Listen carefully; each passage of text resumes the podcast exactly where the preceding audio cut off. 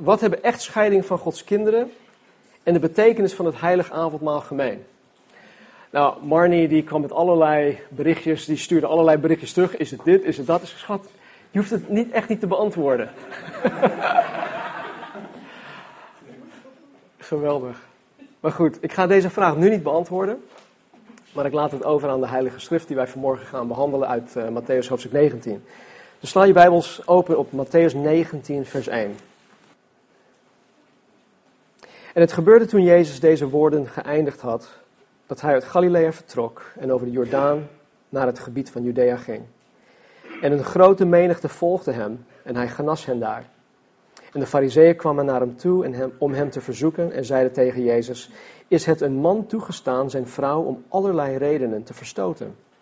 En hij antwoordde en zei tegen hen, hebt u niet gelezen dat hij die de mens gemaakt heeft, hen van het begin af mannelijk en vrouwelijk gemaakt heeft? En gezegd heeft, daarom zal een man zijn vader en moeder verlaten en zich aan zijn vrouw hechten. En die twee zullen tot één vlees zijn. Zodat zij niet meer twee zijn, maar één vlees. Dus wat God samengevoegd heeft, laat de mens dat niet scheiden. Ze zeiden tegen Jezus: Waarom heeft Mozes dan geboden een echtscheidingsbrief te geven en haar te verstoten? Hij zei tegen hen: Mozes heeft vanwege de hardheid van uw hart u toegestaan uw vrouw te verstoten, maar van het begin af is het zo niet geweest. Maar ik zeg u: wie zijn vrouw verstoot anders dan om hoererij en met een ander trouwt, die pleegt overspel. En wie met de verstotene trouwt, pleegt ook overspel. Zijn discipelen zeiden tegen hem: Als de zaak van de man met de vrouw er zo voor staat, is het beter niet te trouwen.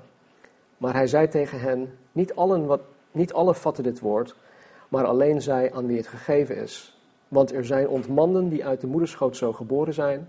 Er zijn ontmanden die door de mensen ontmand zijn. En er zijn ontmanden die zichzelf ontmand hebben om het koninkrijk der hemelen. Wie dit vatten kan, laat die het vatten. Nou, in vers 1 en 2 staat dus dat het gebeurde toen Jezus deze woorden geëindigd had, dat hij uit Galilea vertrok, over de Jordaan naar het gebied van Judea ging en een grote menigte volgde hem. En hij genas hen daar. Matthäus is, een, is echt een geschiedschrijver. Hij, hij laat ons hier weer zien dat Jezus nu het gebied van Galilea verlaat om richting Jeruzalem te gaan. Hiervoor, dit moeten jullie herinneren, maar hiervoor in hoofdstuk 16 en 17 heeft Jezus reeds twee keer expliciet tegen zijn discipelen gezegd dat hij naar Jeruzalem toe moest gaan om daar zijn lijdensweg te gaan. En nu neemt Jezus daadwerkelijk de eerste stappen richting Jeruzalem. In Matthäus 4, vers 25, en ik denk ook ergens in hoofdstuk 9, zien wij of lezen wij dat er grote menigten Jezus volgden. En in hoofdstuk 4 staat er dat een grote menigte volgde uit Galilea, het Decapolis, dat zijn de tien steden rondom uh, dat gebied, Jeruzalem en Judea en, en van over de Jordaan. En ja, ik heb geen kaart, anders had ik hem laten zien, maar Jezus steekt de Jordaan over en waar hij de Jordaan oversteekt is dicht bij Galilea. Dus hij was waarschijnlijk enkel dagen onderweg en steekt de, um, de Jordaan over om zo niet door Samaria heen te gaan. Want ze hadden hem uh, verstoten. In een ander evangelie staat dus dat Johannes en uh, Jacobus zeiden van... Heer, zullen we zoals Elia vuur uit de hemel laten komen en hun helemaal uh, teniet laten, laten, laten komen? Zei Jezus, jongens, jullie, jullie snappen het niet.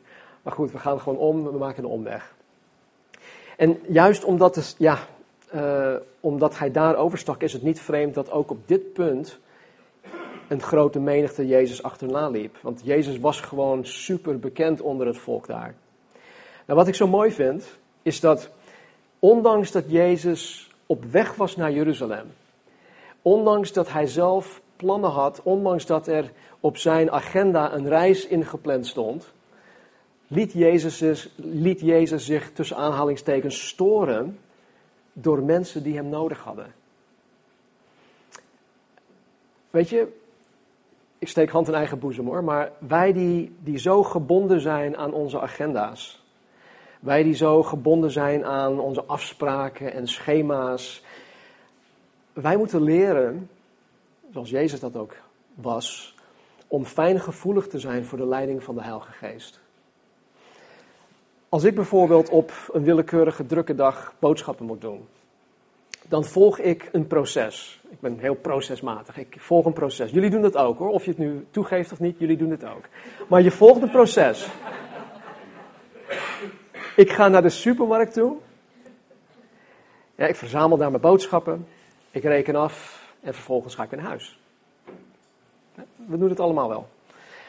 Maar voordat ik het huis uitga, ben ik er al op deze manier ingesteld.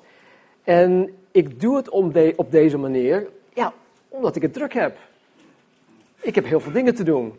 Ik heb afspraken, ik heb dingen te doen, ik moet ergens zijn, enzovoort, enzovoort. Dus ik ga op die manier, met die instelling, ga ik naar de supermarkt toe. En er is op zich niets mis mee, begrijp me niet verkeerd. want je bent gefocust, je weet wat je moet doen, je doet het, je gaat efficiënt om met je tijd, waardoor je zoveel mogelijk gedaan krijgt in de uren die je gegeven zijn. Maar, maar als ik zo procesmatig en praktisch bezig ben, dan kan ik mezelf geheel afsluiten voor de leiding van de Heilige Geest, die mij juist wil gaan gebruiken om mensen die God nodig hebben te gaan dienen. En ik, weet je, ik, ik begrijp de logische en de praktische benadering van hoe wij anno 2014 ons leven invullen en hoe wij dat uitvoeren. Maar ik geloof dat God jou en mij juist van zo'n procesmatige levenswijze wil afwennen. En niet dat wij nu gewoon roekeloos en, en, en, en gewoon dingen gaan doen zonder dat, enig, dat, er, dat er enig structuur in zit, maar dat wij zo vastzitten aan, aan het proces.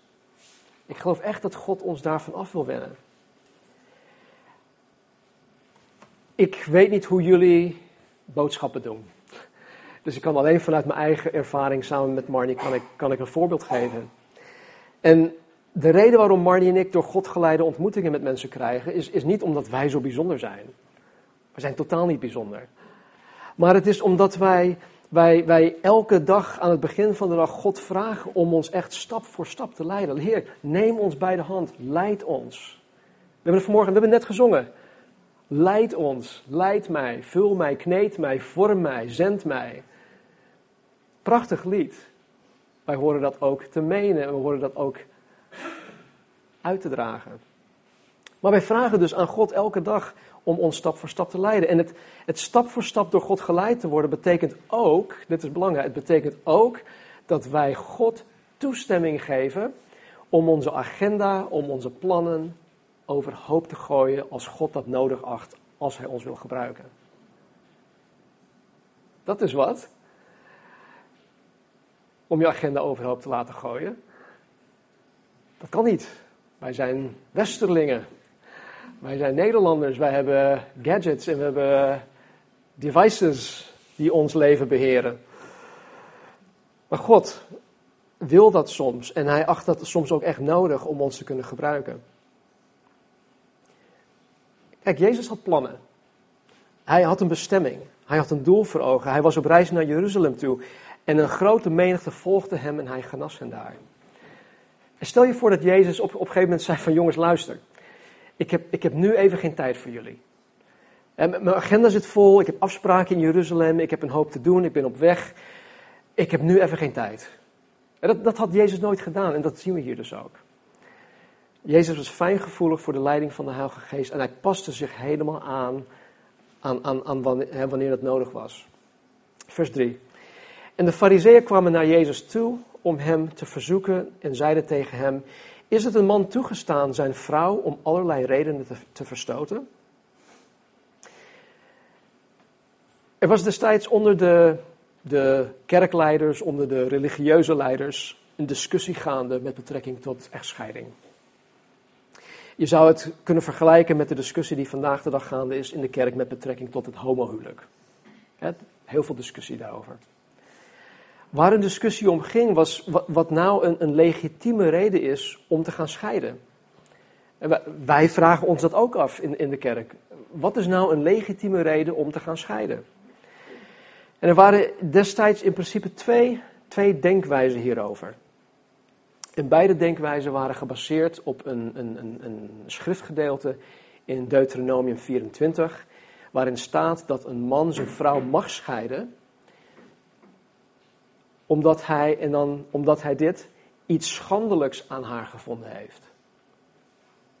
Dus Deuteronomium zegt, een man kan van zijn vrouw af als hij iets schandelijks aan haar gevonden heeft. Wie wil mij uitleggen, of wie kan mij uitleggen wat iets schandelijks aan haar gevonden heeft? Het is voor meerdere interpretaties vatbaar, best wel vaag. Nou, omdat deze voorwaarde nogal vaag is, ontstond er een gigantisch grote meningsverschil over wat de Bijbel nou eigenlijk bedoelde met iets schandelijks. Eén denkwijze kwam van een zekere Rabbi Hillel, die iets schandelijks, die iets schandelijks heel erg los interpreteerde. En in verschillende commentaren, eh, die gebruiken hetzelfde voorbeeld, dus die zal ik ook noemen. Als de vrouw bijvoorbeeld het eten liet aanbranden, dan mocht hij van eraf. Lekker makkelijk, toch? of als zijn vrouw a-technisch was en niet wist om te gaan met haar smartphone, dan was het ook toegestaan om van eraf te komen. Ik noem maar wat. Het was zo los geïnterpreteerd. De andere denkwijze kwam van een zekere Rabbi Shammai, die iets, die iets schandelijks veel strikter interpreteerde. Hij was van mening dat een man alleen van zijn vrouw mocht scheiden als zijn vrouw uh, hem seksueel ontrouw was geweest, als zij overspel pleegde. Nou, er was nog een derde, maar die was minder populair. En dat was van een zekere Rabbi Akiba. Die zei dat een man van zijn vrouw mocht scheiden indien hij een vrouw had gevonden die mooier was dan zijn eigen vrouw. Nou, dit is echt door mannen geschreven. Dan moet je je voorstellen dat de, de, de gehele Joodse bevolking zich aan één van deze twee denkwijzen hield. dus er was een soort polarisatie. Dus door Jezus de vraag te stellen van, is het een man toegestaan zijn vrouw om allerlei redenen te verstoten, wilden de fariseeën Jezus voor het blok zetten. Ze wilden op zijn allerminst de helft van de menigten tegen Jezus zien te krijgen. Maar kijk hoe, hoe geweldig Jezus hiermee omgaat. Vers 4. En hij antwoordde en zei tegen hen: Hebt u niet gelezen? Dat is zo, dat is zo slim, want de Farizeeërs die, die, ja, die waren zo trots op hun Bijbelkennis en ze lazen dag en nacht. En hebt u niet gelezen dat hij die de mens gemaakt heeft, hen van het begin af mannelijk en vrouwelijk gemaakt heeft en gezegd heeft: Daarom zal een man zijn vader en moeder verlaten en zich aan zijn vrouw hechten en die twee zullen tot één vlees zijn, zodat zij niet meer twee zijn, maar één vlees. Dus wat God samengevoegd heeft, laat de mens dat niet scheiden. er zit zoveel diepgang in het antwoord van Jezus. En we hebben helaas vanmorgen niet genoeg tijd om het allemaal uit te gaan diepen. Maar wat ik er vanmorgen uit wil halen is, is al heel wat. Jezus, die zelf God is, bevestigt hier dat God de mens in Genesis 1 en 2 mannelijk en vrouwelijk gemaakt heeft. Jezus bevestigt dat. En dit is een waterdichte getuigenis van Jezus Christus zelf, dat één, het Bijbelboek Genesis het woord van God is. Want Jezus beschouwt het als het woord van God en hij citeert het ook als zodanig. Het is een waterdichte getuigenis van Jezus Christus uh, dat, dat de mens niet door middel van evolutie tot stand is gekomen, maar dat de mens door God geschapen is. Hij zegt dat. Dit is ook een waterdichte getuigenis van Jezus Christus zelf, dat God de mens als mannelijk en vrouwelijk gemaakt heeft en dat het huwelijk van oorsprong uit één man en uit één vrouw bestaat. Nou, als ik zo eigenwijs wil zijn en deze drie dingen niet wil geloven of niet wil accepteren, dan beweer ik slimmer te zijn dan Jezus Christus. En er zijn een hoop eigenwijze mensen hier op aarde. Want hij sprak van deze dingen als de enige echte waarheid. En als Jezus het als waarheid noemt en hij is God, ja, dan wie ben ik dan om daar tegenin te gaan? Ik spreek mensen wel eens hè, die, die, de, die de Bijbel uit elkaar willen trekken. En ze doen dat om hun eigen vooroordelen te kunnen rechtvaardigen. Ze beweren bijvoorbeeld dat omdat Jezus niet expliciet over homoseksualiteit onderwees, dat Jezus het zonder tegenindicatie goedkeurde. Ja? Ook beweren zij dat Jezus alleen maar lief had dat hij, eh, toen hij op aarde was. Dat Jezus niemand veroordeelde. Dat Jezus alleen, ja, alleen maar iedereen en alles accepteerde zoals ze waren. Dus ook homoseksualiteit. En natuurlijk accepteert Jezus iedereen. Maakt niet uit wie je bent, als je naar Jezus toe komt en je wil, en je wil hem navolgen, dan accepteert hij iedereen. Maar met zo'n beeld van Jezus zouden, zouden ze wel in Jezus willen geloven. Maar met uitzondering van de vier evangeliën gooien zij de rest van de Bijbel het liefst op de brandstapel. Ik heb, ik heb dat soort gesprekken met, met mensen. En want zowel het Oude Testament als ook de brieven van Paulus zijn wel tegen homoseksualiteit. Dus ze willen, ze willen Jezus wel aanhangen of navolgen, maar de rest van de Bijbel, daar willen ze niks mee. Dus ze trekken de Bijbel uit elkaar. Nou, wat Jezus hier in vers 4 tot 6 zegt, spreekt wel heel direct over hoe de God van de Bijbel het huwelijk ziet. Zijn we het daarmee eens? Jezus spreekt hier niet direct tegen het homohuwelijk. Maar hij spreekt wel degelijk voor het huwelijk tussen één man en één vrouw. Zo heeft God het ontworpen, zo heeft God het van origine bedoeld, zo hoort het volgens de Bijbel. Nou, begrijp me niet verkeerd.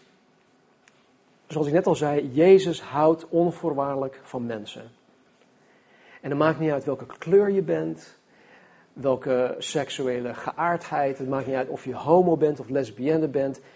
God wil, Jezus wil niets anders dat zij zich, net zoals wij hier, bekeren en Hem gaan navolgen. Ik sprak uh, vorige week een, uh, een ex-collega van mij. En die zei, uh, er komt iemand op bezoek en die blijft hier twee weken en je zal het nooit geloven. Hij is een maand geleden tot geloof gekomen en hij was een praktiserende homo, homo, homoseksueel. Dus ik zeg van, oh joh, ik wil, ik wil die man heel graag spreken. Dus ik hoop hem deze week uh, ergens uh, te gaan ontmoeten, want ik ben zeer benieuwd hoe dat, ja, hoe dat is gekomen. Kijk, wij mogen de deur niet voor homo's en lesbiennes sluiten. Net zoals wij de deur hier niet voor mij mogen sluiten. En want God ziet mij en een homo en een lesbienne gelijk. En zoals wij ons uit moeten reiken naar de verloren wereld, de ongelovige wereld om ons heen, onze buren, familieleden, wie dan ook. Zij zijn niet anders dan, dan de rest, dan wij, dan ons. Jezus citeert hier, hier in, in dit gedeelte Genesis 2, vers 24. En het punt dat Jezus maakt is dat wat God samengevoegd heeft, laat de mens dat niet scheiden. En ze zeiden tegen hem: Waarom heeft Mozes dan geboden een, een echtscheidingsbrief te geven en haar te verstoten? Ja, in, in, hun respons zien we alweer dat de Fariseeën zo ver afgeweken waren van de, van de zuivere leer, van het zuivere woord van God. En ze hielden zich niet meer aan de oorspronkelijke tekst van de Torah, maar aan de Mishnah, aan de Talmud. En dit waren commentaren op de Torah. En dus als ik bijvoorbeeld een, een, een foute studiebijbel heb, en ik lees de Bijbel niet meer, maar alleen maar de commentaren in die foute studiebijbel, dan, ja, dan, dan raak ik ook van het pad af. En zo waren zij zo ver verwijderd van het zuivere woord van God.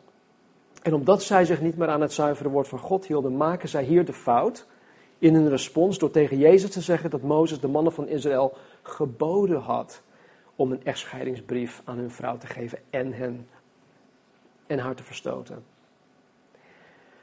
Nou, hiermee trachten ze Jezus in een valstrik te lokken. Want als Jezus hier tegenin gaat, dan stelt Jezus zichzelf boven Mozes.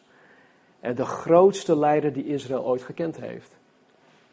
Vers 8. En Jezus zei tegen hen: Mozes heeft vanwege de hardheid van uw hart u toegestaan uw vrouw te verstoten. Maar van het begin af is het zo niet geweest. Van oorsprong kwam de echtscheiding niet eens aan de orde. Het ideaal voor, dat God voor de mens voor ogen had, is wat hij met Adam en Eva tot stand gebracht had. Eén vlees, oftewel een, een onscheidbare eenheid. Stel je voor hoe Gods plan voor de mensheid in duigen was gevallen als Adam en Eva gingen scheiden. daar, denken we niet eens aan. Er was geen sprake van.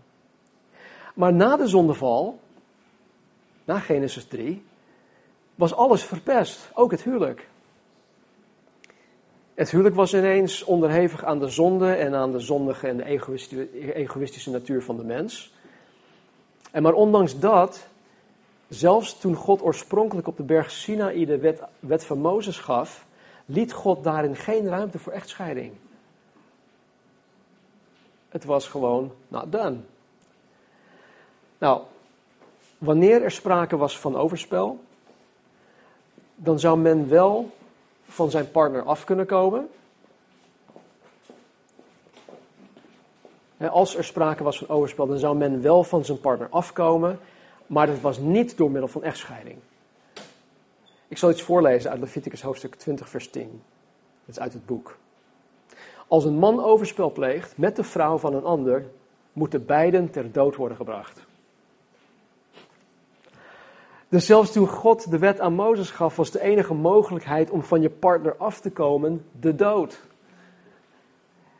De, de natuurlijke dood, stel dat een echtgenoot, dat, echtgenote dat ze, dat ze sterft, dat is één manier. Maar ook dood door, de door, door, door, door doodstraf als het gevolg van overspel. Dat was de enige manier. Maar hier in vers 8 zegt Jezus, Mozes heeft vanwege de hardheid van uw hart u toegestaan uw vrouw te verstoten. Nogmaals, we hebben niet veel tijd, dus zonder er dieper op in te gaan over de exacte reden waarom Mozes deze echtscheidingbrief heeft toegestaan, wil ik alleen zeggen dat de hardheid van hun hart, waar Jezus het nu over heeft, te maken had met ongeloof. Het had te maken met ongehoorzaamheid aan God. God heeft hen de wet van Mozes gegeven, dat onder andere bedoeld was om het volk Israël zuiver te houden, om hen te beschermen tegen de invloed van buitenaf, van de heidevolken. Maar ondanks dat het volk de grootste menselijke leider ooit als voorganger heeft gehad, Mozes. Ondanks dat dit volk wonderen van God met eigen ogen gezien had. Ondanks dat het volk het woord van God gekregen had, hadden zij uiteindelijk, heel plat gezegd, lak aan God. Ze hadden gewoon lak aan God.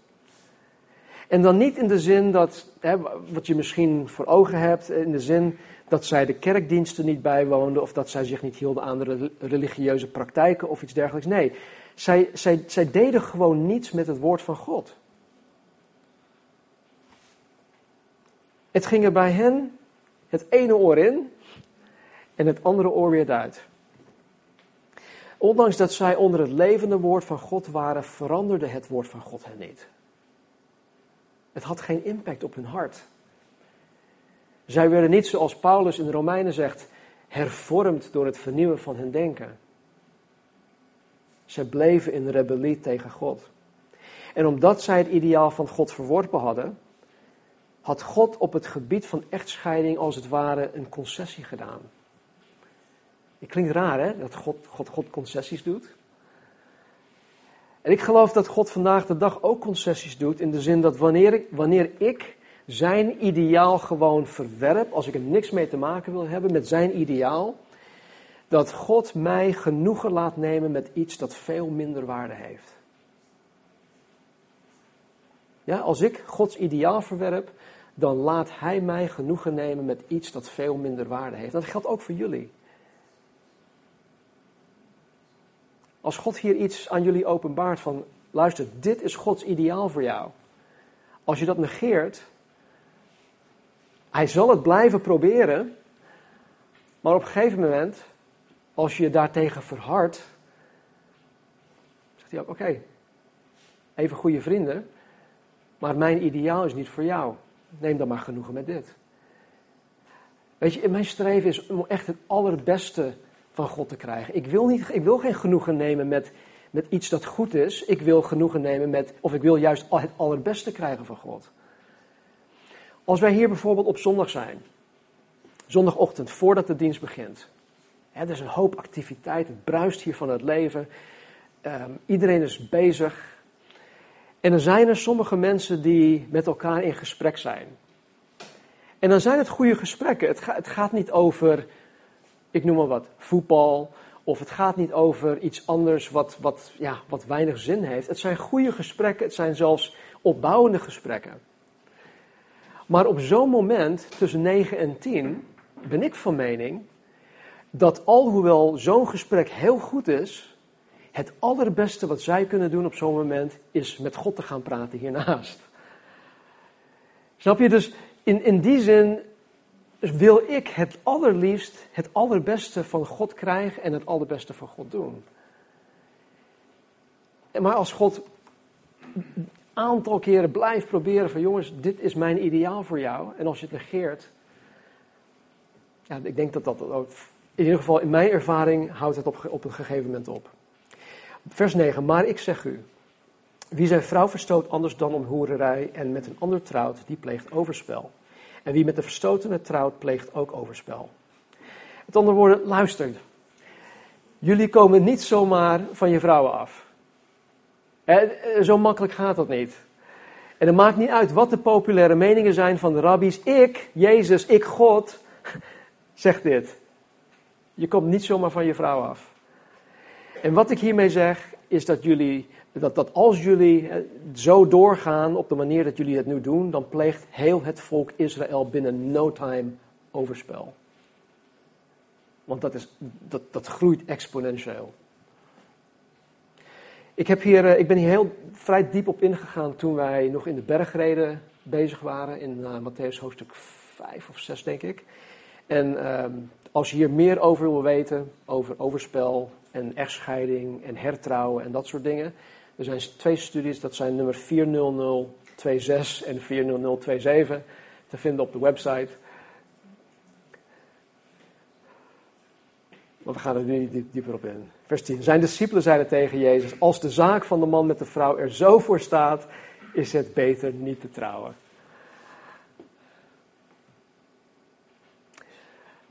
Alleenstaande mensen.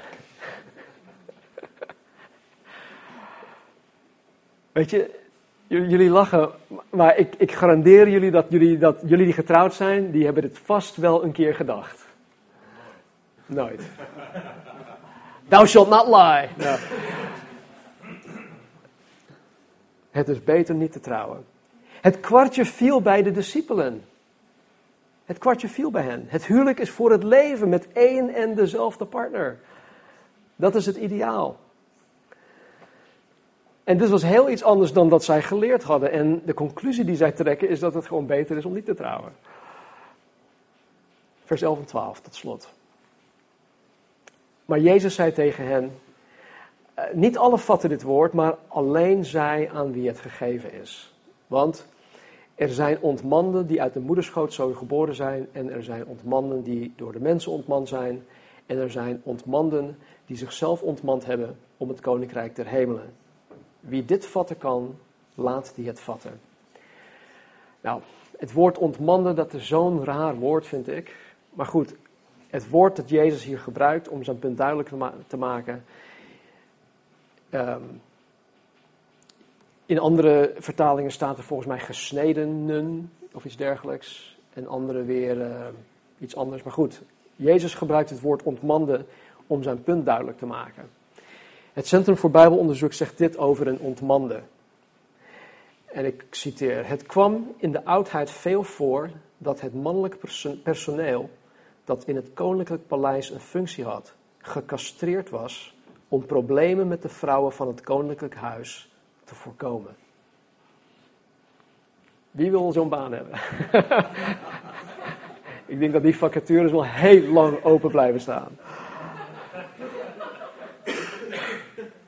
Nou, zo'n gecastreerde man was dan een ontmande. Oftewel een, een eunig. Er is ook een woord daarvoor. Oh, wat eunig. een eunig.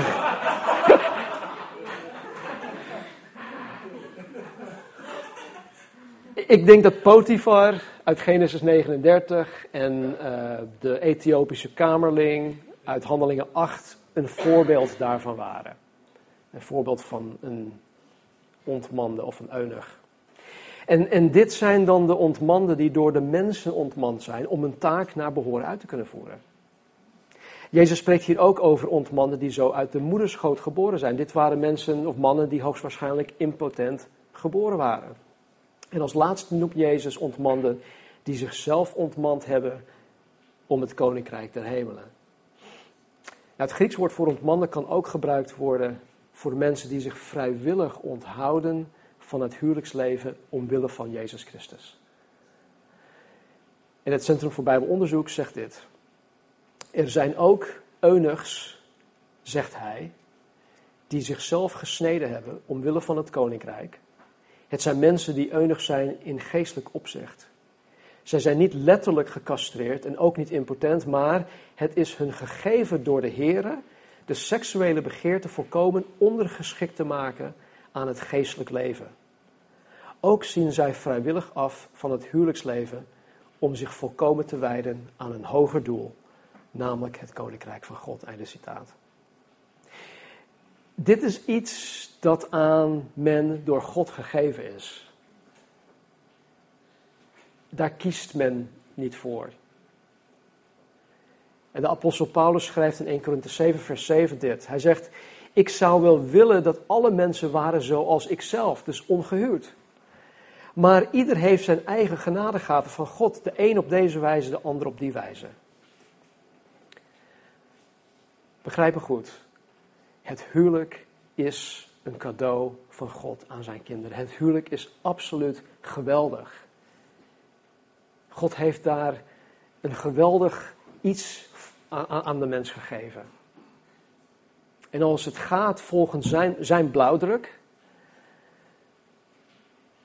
dan is het het allerbeste wat er is.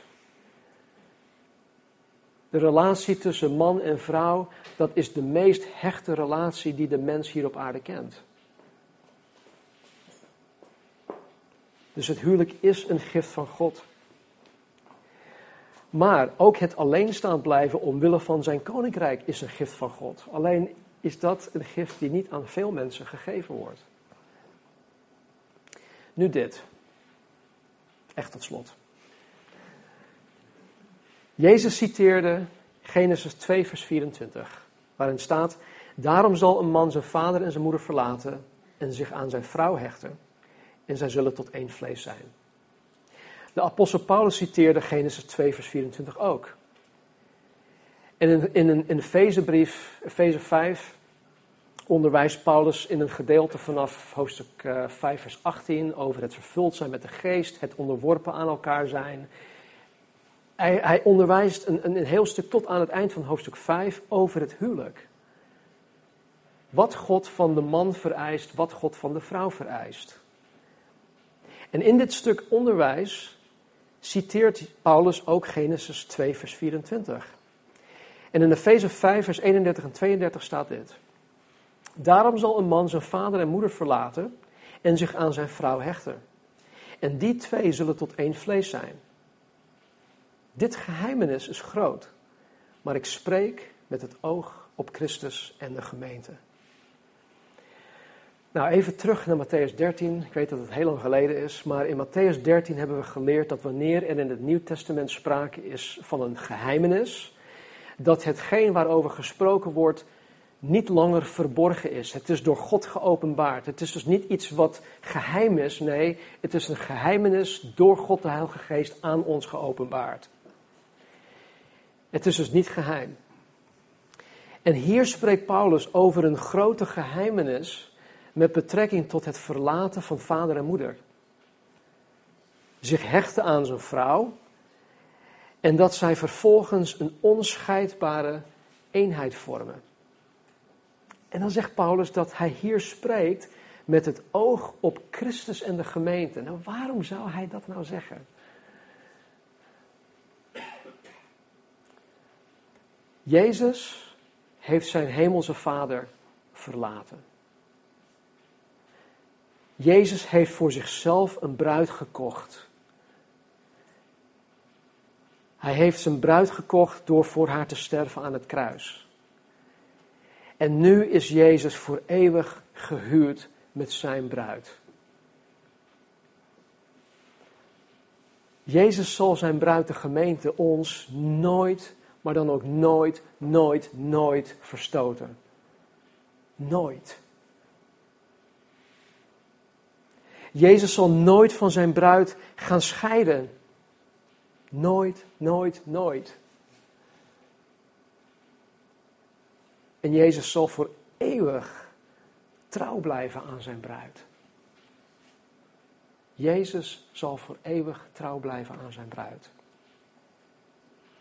En wat ik hieruit haal, deze geheimenis waar Paulus het over heeft, is dit. Mijn huwelijk met Marnie, jullie huwelijk in Christus, is voor de wereld om ons heen een tastbaar voorbeeld van de relatie tussen Jezus en zijn bruid. Het is zo'n gigantisch groot voorrecht. Wij mogen door Gods genade aan de wereld laten zien dat God van mensen houdt. Wij mogen door Gods genade aan mensen zien dat God van mensen houdt. En God wil onder andere mijn huwelijk, jullie huwelijk in Christus gebruiken als een getuigenis om mensen tot Christus te winnen.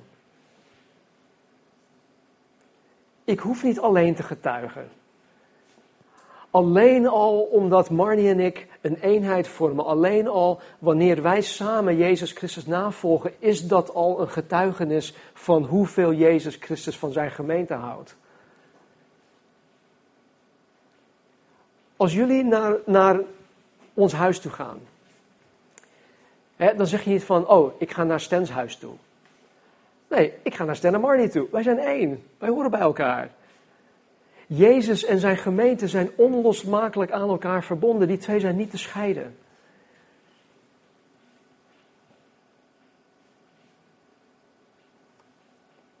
Dus terug te komen op de vraag: wat hebben echtscheidingen van Gods kinderen en de betekenis van het heilige avondmaal gemeen? Helemaal niets. Helemaal niets. Want Jezus zal nooit van zijn bruid scheiden. Laten we bidden. Hemelse Vader, dank u wel dat u zo ver bent gegaan in het sturen van uw zoon. Jezus, dank u wel dat u zo ver bent gegaan, dat u uw heerlijkheid hebt afgelegd. Heer, omwille van mij, omwille van ons. Dat u een mens geworden bent, een kwetsbaar mens. Dat u uzelf gegeven hebt, Heer, aan een, een jonge dame, Maria. Dat u uzelf in de handen van uw schepping hebt gegeven. Dat u uzelf zo kwetsbaar hebt opgesteld. En dat u voor mij, heren, voor ons, onze doodstraf op u genomen hebt. Dank u wel, Heer, dat ik vanmorgen van al mijn zonden vergeven ben. Dank u wel dat u zo vergevingsgezind bent.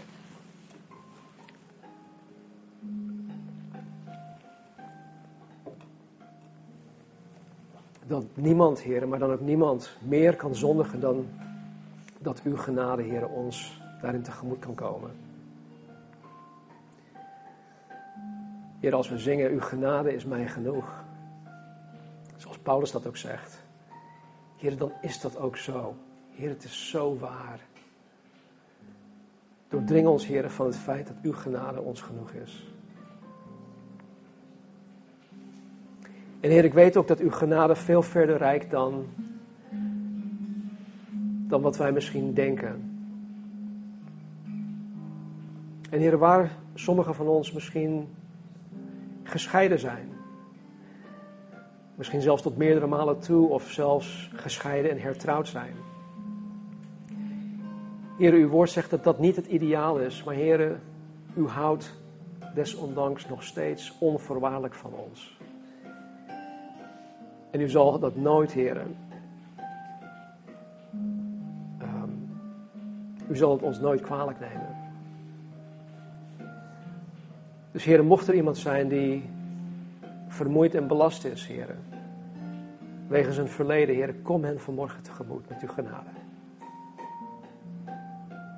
Laat hen zien, Heer, dat u onvoorwaardelijk van hen houdt. Dat uw vergeving toereikend is. En dat uw genade, heren, overvloedig aanwezig is, ook vanmorgen. Dus heren, wanneer we vanmorgen ook het heilige avondmaal vieren, heren, denken wij, gedenken wij Jezus Christus, die voor ons gestorven is. Wiens bloed uitgegoten is voor ons. Heren, hij heeft ons gekocht met zijn kostbaar bloed. Dank u, Jezus. Dank u wel daarvoor. Dank u wel dat wij mogen vieren, Heer. Help ons vanmorgen. In Jezus' naam. Amen. Amen.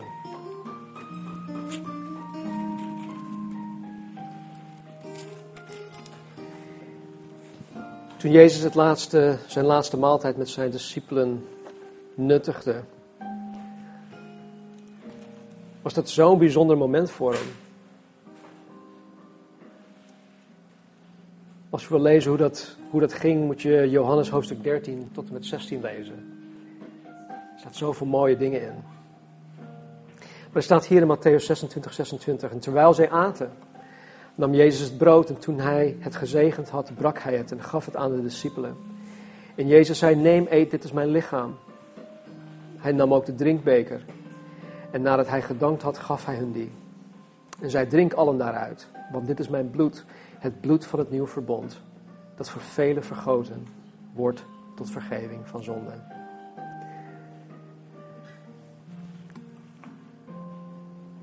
Dit is het nieuw verbond, zei Jezus. Het bloed van het nieuwe verbond. Wij kunnen dit ook zien alsof Jezus hier op dit moment zijn huwelijksbelofte aan ons gaf. Jezus gaf zijn huwelijksbelofte aan jou en aan mij. En hij beloofde ons voor eeuwig trouw te zijn. Dus wat hebben echtscheiding van Gods kinderen en de betekenis van het heilige avondmaal gemeen? Helemaal niets.